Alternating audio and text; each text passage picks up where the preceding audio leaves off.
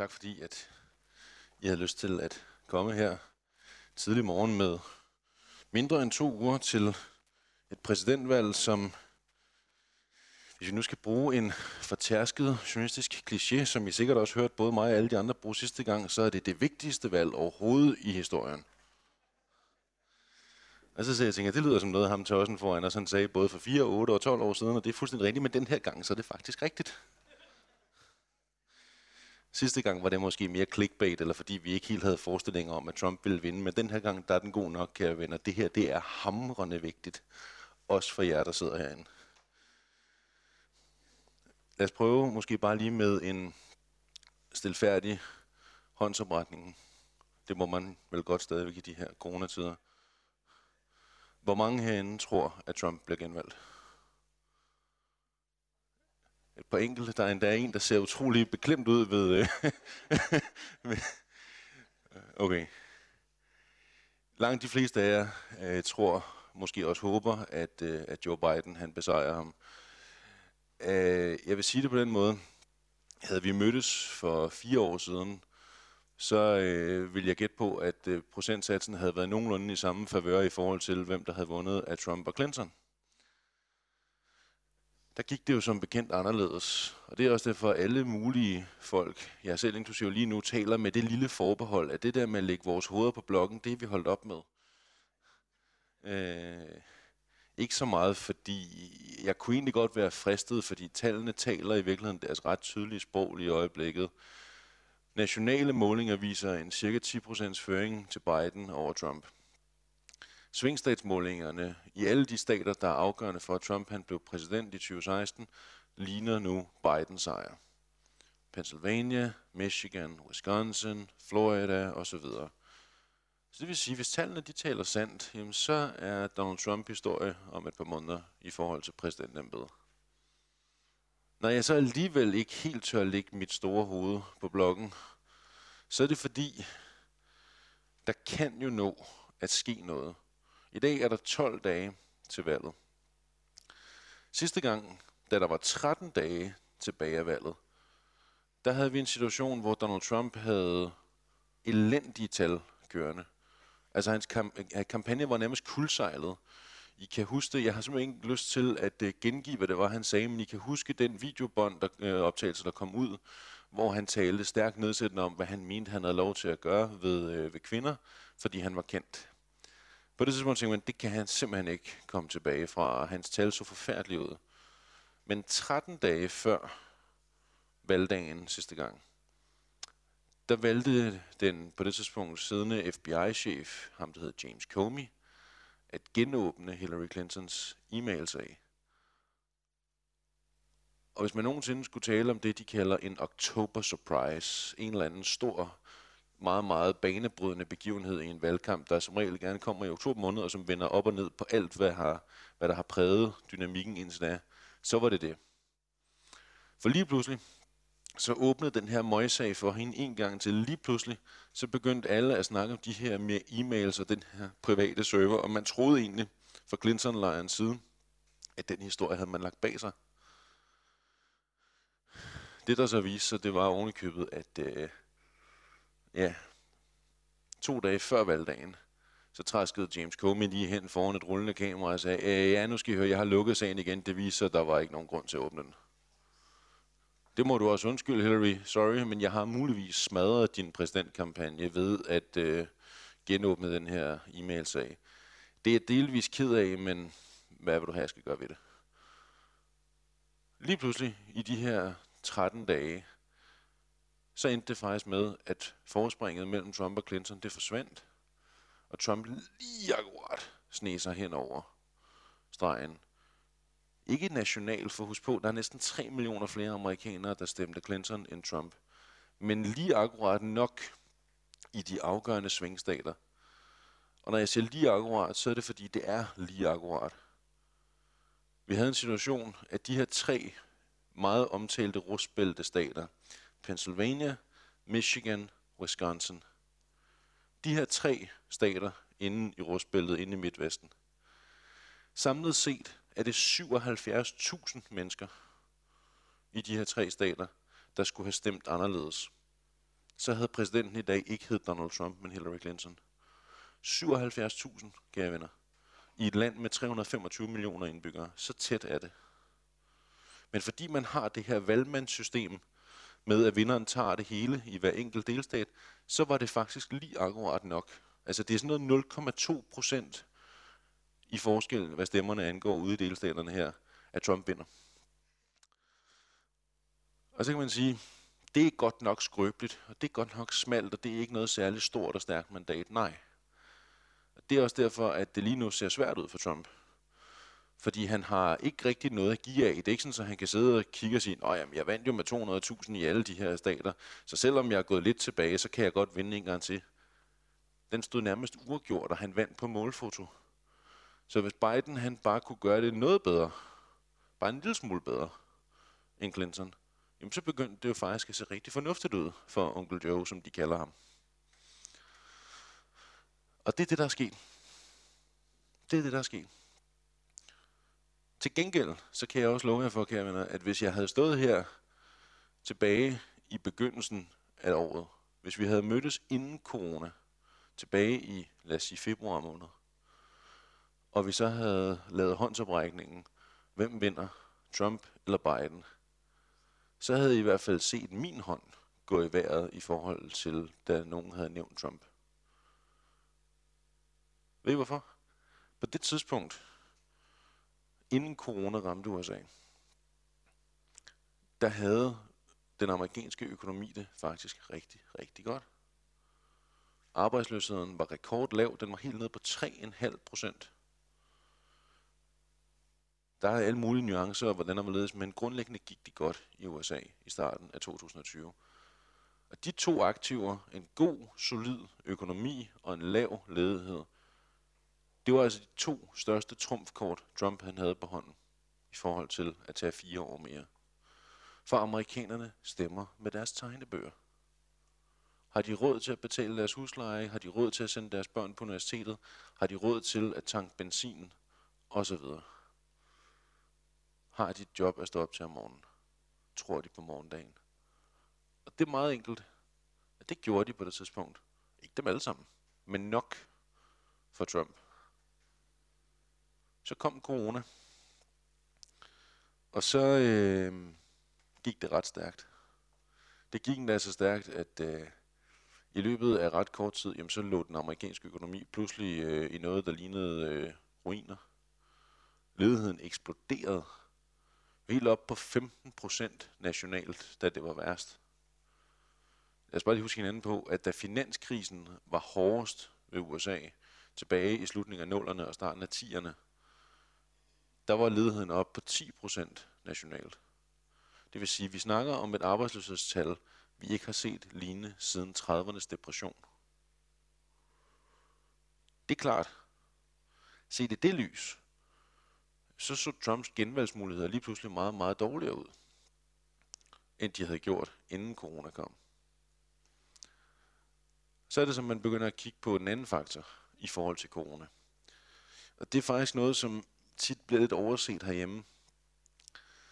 Det er fordi, vi synes ikke helt midtvejsvalgene er lige så sjove at dække som præsidentvalget, for det kræver, at vi så skal til at forklare, hvad går kongresvalgene egentlig ud på, og hvad er senatet, og hvad er huset osv. Det er ikke tænkt mig at bruge så frygtelig meget tid på her til morgen, men jeg vil bare konstatere, at demokraterne havde jo lært ved midtvejsvalget, hvor alle 435 medlemmer af repræsentanternes hus og en tredjedel af senatet var på valg.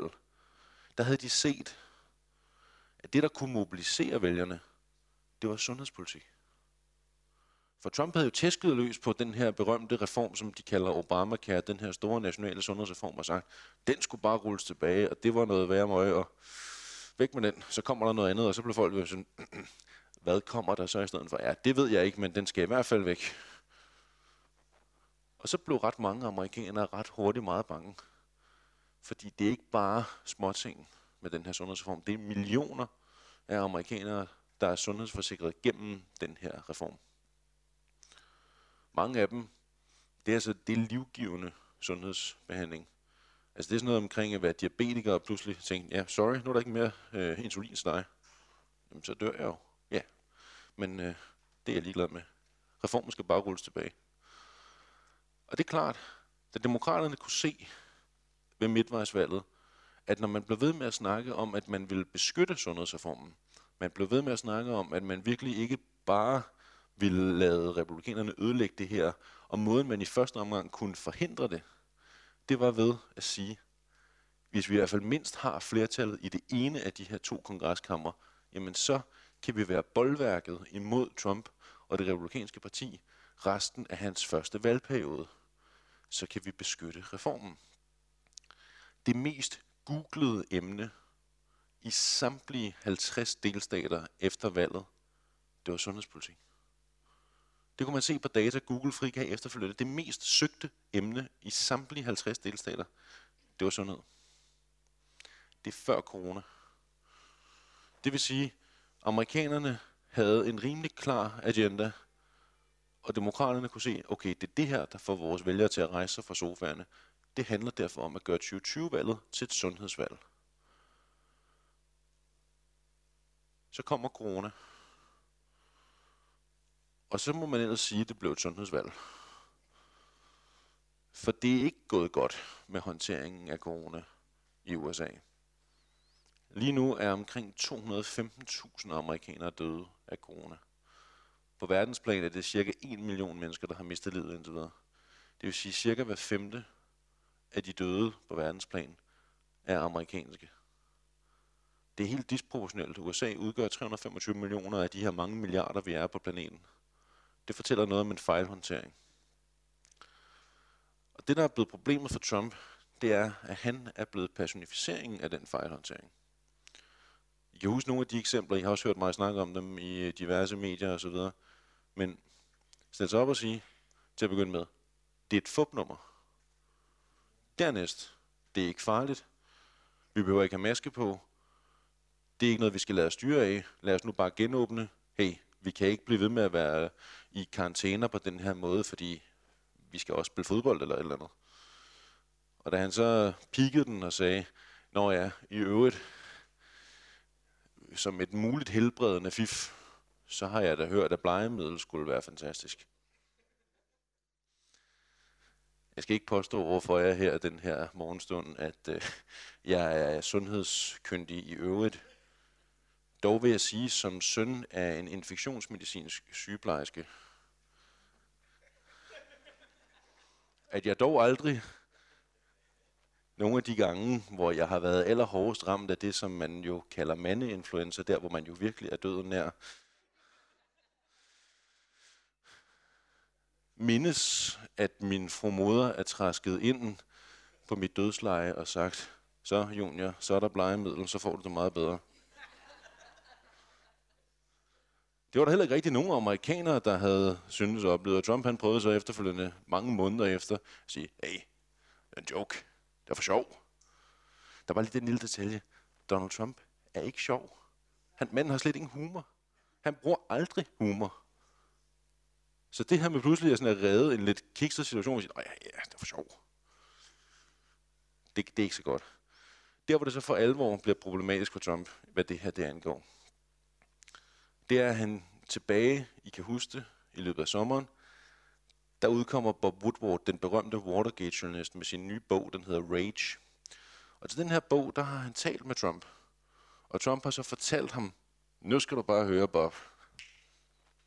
Jeg har hele tiden vidst det her, det var virkelig, virkelig farligt. Men ved du, hvorfor jeg ikke har sagt det? Det var fordi, jeg ville ikke have, at der skulle gå panik i folk. Men jeg har hele tiden vidst, det var farligt. Var det ikke smart? Og det han tydeligvis har tænkt, det var, at amerikanerne skulle kvittere for det her. Sige, genialt, herr præsident. Det må jeg nok sige. Det er derfor, vi har givet dig råpinden, for det er godt set. Det skete ikke rigtigt. Tværtimod så stod amerikanerne og kiggede på og sagde, hvad er det dog, du siger? Har du hele tiden, over 200.000 mennesker har mistet livet. Vores sundhedsvæsen er brudt sammen, og det hele er kørt helt skævt. Vores land er stadig lukket ned. Altså, prøv at høre, Kevin. Jeg har folk, både nogle af mine øh, folk fra kongressen, der bor i USA, kollegaer fra andre medier, andre organisationer osv., der på syvende måned nu stadigvæk hjemmeskoler deres børn. Det der med at forlade matriklen, med mindre man har et dokumenteret ærne, det kan man stadigvæk ikke. Det vil sige, når de så kigger i retning af præsidenten og siger, at jeg har hele tiden vidst, det var meget, meget, meget farligt, men jeg har ikke rigtig gjort noget ved det. Så står de der og tænker, okay, så du har faktisk slet ikke gjort noget som helst for at håndtere det her. Så er det så det store, store issue indfinder sig. For nogenlunde samtidig, så sætter Donald Trump sig ned med en i øvrigt meget, meget dygtig journalist, der hedder Jonathan Swan. Han kommer fra et medie, der hedder Axios. Og de sidder og snakker lidt omkring, hvordan Trump har håndteret corona. Og Swan, han stiller et glimrende spørgsmål. Han siger til ham, hvilket er fuldstændig rigtigt. Det er en meget, meget smart måde at spørge på. Meget rigtig måde at spørge på. Han siger til ham, prøv nu at høre, kære præsident Trump. Jeg har været til dine vælgermøder. Jeg har mødt dine vælgere. De lytter ikke til, hvad jeg skriver eller siger. De synes, jeg er fake news, fordi jeg er journalist. De lytter heller ikke til eksperterne, for dem har du latterligt gjort. Den eneste, de lytter til, det er dig. Hvis du siger, de skal holde afstand, så holder de afstand. Hvis du siger, de skal tage en maske på, så tager de maske på.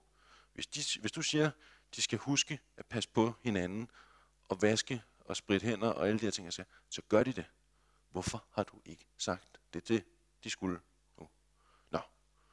efter Trump, han siger sådan, ja, åh, det, han ruder lidt rundt og begynder at beklikke præmissen og komme med nogle tal og så videre. Og så til sidst, da han er tilpas presset, så får han sagt, på engelsk siger han, Look, they are dying. It is what it is. Det er, hvad det er.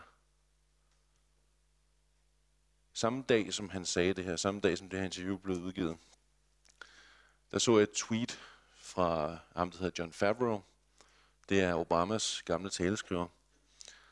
Han skrev, han, han linkede til det her lille klip med It is what it is. Så skrev han henover, hvis jeg sad i Biden-kampagnen, så tror jeg bare, at jeg vil sørge for at få det her klippet til og lydbehandlet. Og så tror jeg egentlig bare, at jeg vil sætte det på daglig genudgivelse, og så vil jeg holde fri resten af efteråret. It is what it is. Og uanset om han får fire år mere, eller om han slutter om et par uger, så kan jeg love jer for, at det her det bliver et af de citater, vi kommer til at vende tilbage til, når vi engang skal skrive præsident Trumps politiske efterskrift. It is what it is. Og demokraterne har også kørt løs på det lige siden. Da Trump og Biden mødtes til den første tv-debat her for et par uger siden, en frygtelig tokrummende affære. Jeg har den udsøgte misfornøjelse at tage den forholdet og stå op i nat for at se den anden af de to. Glæd jer til i morgen tidlig. Hvis I eventuelt synes, at det lyder som om manden i jeres radio, han virkelig har haft en hård nat, så den god nok. Biden han leverer så den forberedte one-liner, for det, det, de er der altid til de her. Så kan man se, det er sådan der, hvor spindapparatet har siddet med ham og siger, okay, Josef, når det så er, du får muligheden, så siger du følgende, It is what it is, because you are who you are. Er du med på den? Det er, hvad det er, fordi du er, hvem du er. Den er god. Kan du huske den? Yes. Altså. Og han leverer den, og han kunne næsten ikke være sig selv af bare begejstring. Det var sådan fuldstændig, der var min soundbite, så kan jeg godt smutte hjem i kælderen. Og det var øh, meget tydeligt bagefter, at det var det, Biden-kampagnen havde tænkt. Den skal bare leveres, så er det den, vi kan køre på de næste par uger. Og det blev den. Det, der er problemet for Trump ved alt det her, det er, at det her præsidentvalg lige nu er blevet en folkeafstemning for og imod coronahåndteringen. Hvem har man bedst tillid til kan håndtere coronapandemien i USA? Trump eller Biden? Og der er altså et rimelig klart flertal, der siger, at de tror mere på Biden, end de tror på Trump. Og det er det, der er Trumps udfordring lige nu. Det er det her med, at sidste gang, der var han et wildcard der var det sådan, så når man snakkede med vælgerne, så sagde de sådan ret kollektivt, jamen, med hende, med Hillary Clinton, der ved vi jo, det går galt, for hun er en politiker, og de svigter os. Trump, han er ikke politiker. Det kunne jo være, at det går godt. Det kan i hvert fald ikke blive værre, end det vil blive med hende, var sådan, sådan ligesom at være den gennemgående logik. Den her gang, så har han fire års præsidentskab, han skal forsvare. Han skal forsvare sin track record. Han skal deriblandt også forsvare sin håndtering af coronasituationen. Der er sådan en meget god måde at anskue præsidentvalgkampen på. Det er, at man siger, er det forandring, eller er det mere af det samme? Og sidste gang, der var Trump forandringen. Den her gang, der er han mere af det samme. Og det er ikke fordi amerikanerne ikke gerne tit har ville have mere af det samme. Men når de har sagt ja tak til mere af det samme, så er det fordi, de har vurderet, at mere af det samme er noget, der er godt. Og så er det for eksempel det her med at sige, økonomien er god, ledigheden er lav, osv. I det tilfælde, så vil mere af det samme altid lyde dejligt for amerikanerne. Er det ikke tilfældet med de ting, især med økonomien og arbejdsløsheden? Så er ligegyldigt, hvad du ellers har foretaget dig. Prøv at tænke en gang tilbage. Mange af jer kan jo huske ham. George H.W. Bush. Manden i spidsen for USA, da Berlinmuren falder, da Tyskland bliver genforenet, da Sovjetunionen bryder sammen, og USA vinder den første golfkrig. Alle de her ting lagt sammen burde stille dig rimelig godt i forhold til at få fire år mere. Men fordi økonomien var på vej ned af slisken på det her tidspunkt, så endte det med, at manden tabte til Bill Clinton. Det var der den forbindelse, at Bill Clintons chefstrateg, ham der hedder James Carville, kom med den her berømte linje, It's the economy, stupid. Og det er stadigvæk the economy, stupid. Det har ikke ændret sig. Og det er det, der er helt afgørende den her gang. Og det er derfor Biden, han har de bedste kort på hånden lige nu. Jeg vil så sige til jer, når vi ikke kan vide os 100% sikre endnu, så er det dels fordi, der var heller ikke nogen, der havde set den der Comey e-mail-sag sidste gang. Og så den anden del. Vi er stadig ikke helt sikre på det her omkring valgdeltagelse. Vi ved ikke endnu, i hvor høj grad demokraterne rent faktisk rejser sig fra sofaerne. For det er dem, der har den tungeste rumpet af lette for at gå hen og stemme. Republikanerne, de gør det. De har en helt anden disciplin omkring valgdeltagelse. Det kan godt være, at de ikke altid synes, at den person, de skal stemme på, er det bedste, de nogensinde har forestillet sig at stemme på, men de gør det. De stemmer også på Trump. Demokra- der er sådan en måde, man kan se det her på. Man plejer at sige, Republicans fall in line, Democrats fall in love. Og det kan godt være, at øh, det har ændret sig, men det, havde ikke, det var ikke tilfældet sidste gang. Når man talte med nogle af de folk, som havde været med Bernie Sanders, for eksempel på konventet, da jeg dækkede det i Philadelphia for fire år siden, det demokratiske partikonvent. Når man så talte med Bernie Sanders-tilhængerne, som var stiktosset, råbte og buede og alt muligt, og stod med skilter og demonstrerede, besat sågar også vores pressecenter en dag.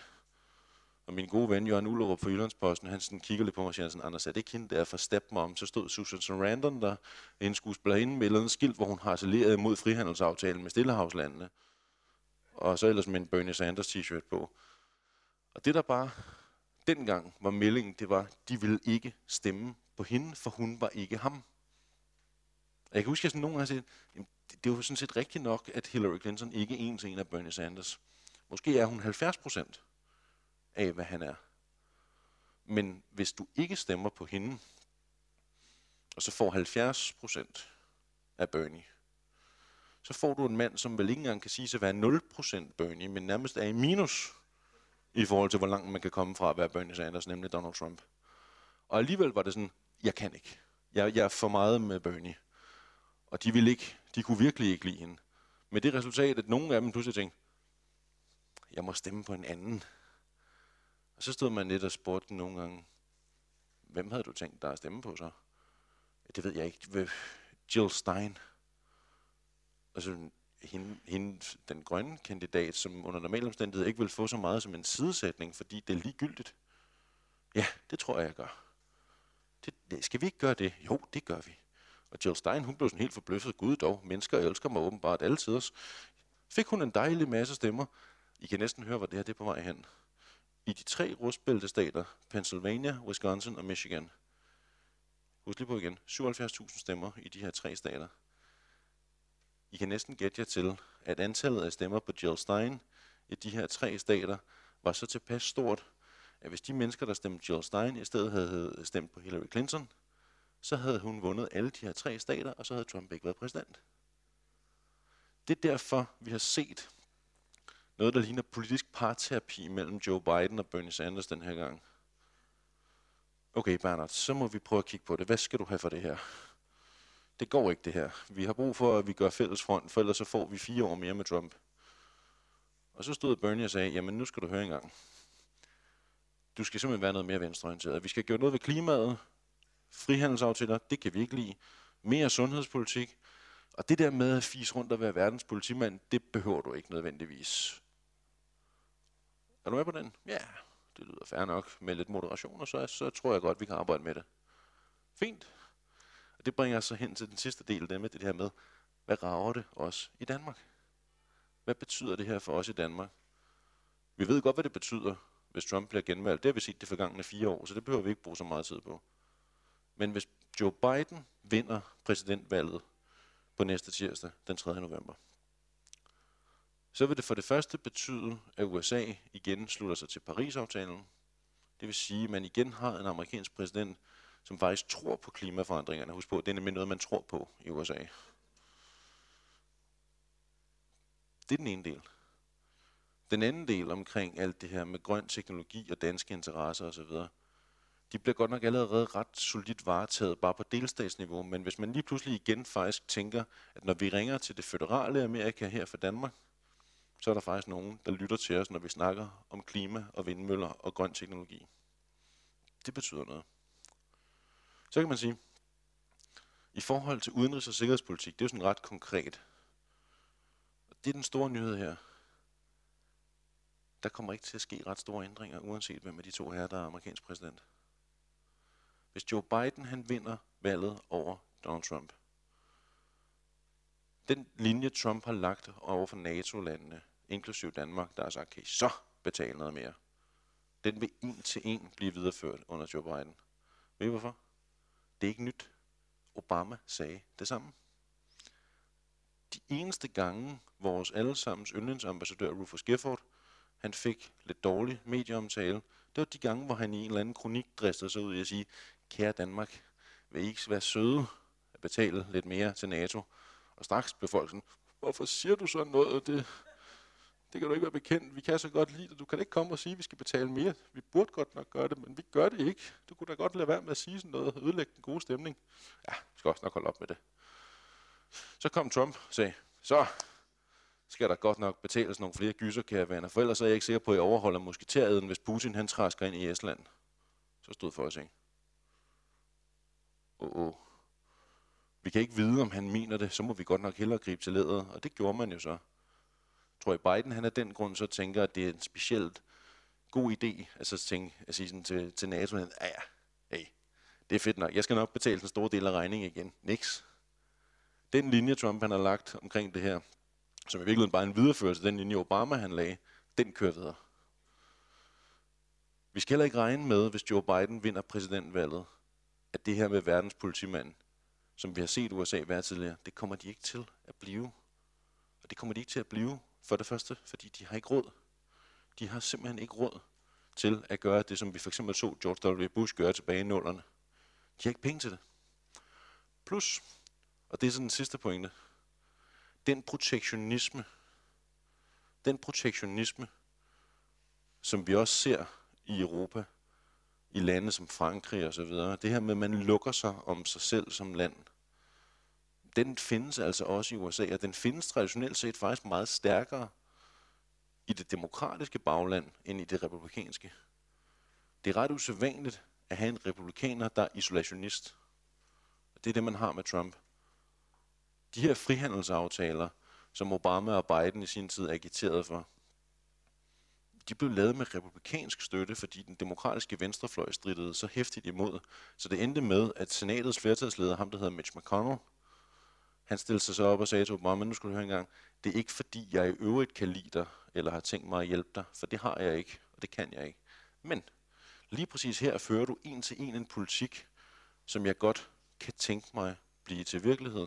Derfor vil jeg undtagelsesvis hjælpe dig, når din egen venstrefløj nu ikke vil. Så det vil sige, Joe Biden lige nu har kurs mod det hvide hus, men det er altså også en noget mere venstreorienteret udgave af Biden, og I skal bare tage med jer herfra i dag. Den største ændring, vi kommer til at kunne mærke, ud over ja, ja, en anden stil, en anden retorik, det kan næsten heller ikke blive anderledes. Det er først og fremmest på det grønne, at vi kommer til at mærke en konkret forandring i forhold til, hvad det betyder for os her i Danmark. Fordi på NATO-fronten, på Kina-fronten og alle de her meget, meget tilbagetrukkede ønsker omkring frihandel, der vil det en til en stort set køre videre, selv om det skifter fra Trump til Biden. Det I måske kunne tænke lidt over, og det er så det, vi kan snakke om nu, det er, når det nu er sådan, det er, hvad må så egentlig er grunden til, at vi alle sammen sidder og håber, at Trump han ikke får fire år mere? Når det nu på lange stræk set ud fra det politiske perspektiv, i forhold til NATO, i forhold til udenrigs- og sikkerhedspolitik osv., verdens politimand, alt det her, hvad må så egentlig er grunden til, at vi i højere grad håber på, at det er en demokrat, der vinder, når USA stemmer, end republikanerne? Det kan vi jo prøve at snakke lidt om. Er der nogen svar på det, eller kommentar eller spørgsmål i øvrigt? Jeg holder fast i mikrofonen, så den får man ikke, men øh, man kan godt få lov at tale i den. Jeg, jeg, jeg tror godt, jeg kan råbe op. Der blev spurgt til dem, der ikke hørte det, om øh, der kunne være en oktober surprise i forhold til noget med en, en konto, Trump han har i Kina. Det korte svar, det er, det tror jeg ikke. Mest af alt fordi, og det er jo faktisk en ret central ting for, hvorfor det ikke bliver et problem nødvendigvis, det er, at de medier, der rapporterer det her om hans Kina-konto, de medier bliver aldrig nogensinde benyttet af de mennesker, der stemmer på Trump. Og det er ret centralt, fordi når du kigger på for eksempel den historie, der kørte for nogle uger siden, som også var noget, vi lavede ting på herhjemme i de danske medier også. Det her med, at Trump betaler ingen skat. Hvad var det, 400 dollar eller sådan noget, han havde betalt i indkomstskat i et helt år. Altså, jeg lige var nemme til at sige, at øh, min ene teenage-datter betaler mere i skat gennem sit ungdomsarbejde. Øh, dengang, der var det et gennemgående spørgsmål, folk også, når de ringede til mig herhjemme, sagde, Nå, men Anders, det her, det er vel et problem for Trump? Og man kunne næsten allerede høre, at de havde fundet kanden med den gule breaking-mailing frem. Og ventede bare på, at jeg skulle sige, ja, katastrofe, og det er så meget, desto større var skuffelsen, og jeg så sagde, nej, det tror jeg faktisk ikke. Fordi det var New York Times, der havde historien, og der er ingen af Trumps vælgere, der læser New York Times. De tror ikke på det. De tror på det, han siger, eller eventuelt så tror de på det Fox News, han siger. De siger, så med mindre det når derover, fordi under normale omstændigheder havde det været for to præsidentvalg siden det her, jamen så var det her blevet et problem. Men der har det altså bare ændret sig. Der er det lykkedes for ham at galvanisere sig selv over for al kritisk presse, og i øvrigt kritisk historie vil bare fejre det af banen og sige fake news. Det er spændende at se, om det fortsætter, hvis det er, at han ikke bliver genvalgt, eller om vi på en eller anden måde vender tilbage til en lidt mere normaliseret udgave af en medievirkelighed, fordi det er en meget, meget stor ændring, også i måden, vi skal forstå amerikansk politik. Det er de historier, som vi vil normalt anse for værende kæmpe historier. De er stadigvæk kæmpe historier, men det er bare kun den ene halvdel af den amerikanske befolkning, der hører dem. Og det er dem, der ikke kan lide Trump i forvejen. Der er lige et Ja. spørgsmål hernede. Til det spørgsmål, øh, du stillede, Mm. øh, Trump han laver jo også, han øh, taler meget til de modsætninger, øh, som er i samfundet. Øh, og vi læser, at øh, det er ved at bryde sammen indefra Mm. øh, med uforsonlige møder i gaderne. Og øh, det kunne jo være en forskel, man ville kunne se. Altså, hvad, hvor- hvordan ser du på den her mulighed for, at samfundet ligesom får et indre brud? Jeg skal ikke lige skjule på, at jeg på mine mest bekymrede dage godt virkelig kan frygte, hvordan den her november måned kommer til at se ud derovre. Og det er mest fordi, at den tone, der er i det amerikanske samfund lige i øjeblikket, den er godt nok voldsomt brutal, og den er betændt, og den er splittet, og den er barsk. Øh, og vi har set alt for mange eksempler i løbet af de forgangne snart fire år på samme sted. Altså, jeg synes nok, et af de mest grælde eksempler, det var det, vi så i Charlottesville tilbage i 2017, hvor nynazister demonstrerede i øh, gaderne i Charlottesville i Virginia. Unge øh, moddemonstrationer, øh, unge moddemonstranter øh, går sig imod de her nynazister. Det ender i lidt, øh, lidt tumult, og det ender også med, at der er en af de her nynazister, der tager en bil og kører direkte ind i de her demonstranter. Det dræber en øh, ung kvinde, øh, Heather Heyer, og meldingen bagefter for Trump var, at der er gode folk på begge sider af den her twist. Jeg har stået nede på det gadehjørne i, øh, i Charlottesville. Jeg har også talt både med øh, Heather Heyers mor, jeg har også talt med hendes bedste ven Conrad, som i dag er chef for den fond, der oprettede hendes navn. Og Conrad og jeg, vi stod og snakkede sammen nede på det gadehjørne faktisk, hvor han mistede sin bedste veninde. Og det han fortalte mig, det var, at han havde ikke selv været med til demonstrationen. Fordi han som sort mand og far til tre små børn havde vurderet, at det var for farligt. Det var for farligt at deltage. For hvis det kørte af sporet, så følte han sig pludselig ikke længere tryg ved, at der faktisk ville være nogen, der håndterede det. Så han blev hjemme. Og det synes jeg fortæller ret meget om, hvad det er, der er ved at ske. Altså, der er mange historier lige nu for det amerikanske samfund, og også helt ned sådan i lavpraktikken, omkring, at der simpelthen er familier, der ikke kan ses længere. Fordi hvis du er Trump, og jeg er Biden, så kan vi slet ikke sidde ved bord sammen. Prøv at forestille dig, hvis det var sådan herhjemme. Men det er desværre det, der er sket. Det splitter simpelthen. Og det, der jeg synes egentlig bare er den sidste bemærkning omkring det her, der er bekymrende, det er de her gange, hvor vi ser de her sammenstød, så synes det altid at have en optrappende effekt, når Trump blander sig. Samtidig med, at vi i hvert fald lige nu kan se, at amerikanerne holder op med at tænke på hinanden som landsmænd. De tænker på hinanden som modstandere. Demokraterne opfatter republikanerne som deres modstandere og vice versa. Det er nyt, og det er godt nok bekymrende. Jeg håber ikke, det går så galt, men jeg har svært ved helt at kunne sige mig fri for, at november måned godt kan blive en meget, meget, meget urolig en af slagsen i USA. Ikke mindst fordi du har en situation, hvor Trump vil gøre, hvad han kan for at så tvivl om legitimiteten af valgresultatet og vil prøve at udfordre det. Og husk på, dengang vi sidst så et meget tæt valg i år 2000 mellem Gore og Bush, da det endte i højeste ret, og man med stemmerne 5-4 gav Bush sejren. Det gik og Gore på fjernsyn, og så sagde han så, Though I strongly disagree with the court's decision, I accept it, and now it's time for me to go. Jeg ved ikke, om du kan forestille dig, at de ord kom ud af Donald Trumps mund. Jeg har lidt svært ved det, og det er måske det, der er den store forskel den her gang også det er jo sådan med de her morgener, at, at samtalen kan fortsætte resten af dagen. Øh, så derfor er jeg nødt til, det sidste bliver, nu kommer det sidste spørgsmål, og det sidste svar er også nødt til at være kort. Ja. Så må øh, Sådan må det videre. Ja. Du sagde, at øh, økonomien var fantastisk øh, før corona, og gik ned. Ja. Hvordan kommer det til at gå under Biden, hvis han nu vinder? Det ser ud som om, at økonomien er på vej i bedring. Men det afhænger meget af, om det amerikanske samfund får styr på coronasituationen. For lige nu er over halvdelen af de amerikanske delstater øh, med det, de kalder hotspots. Det vil sige, at de har slet ikke styr på det.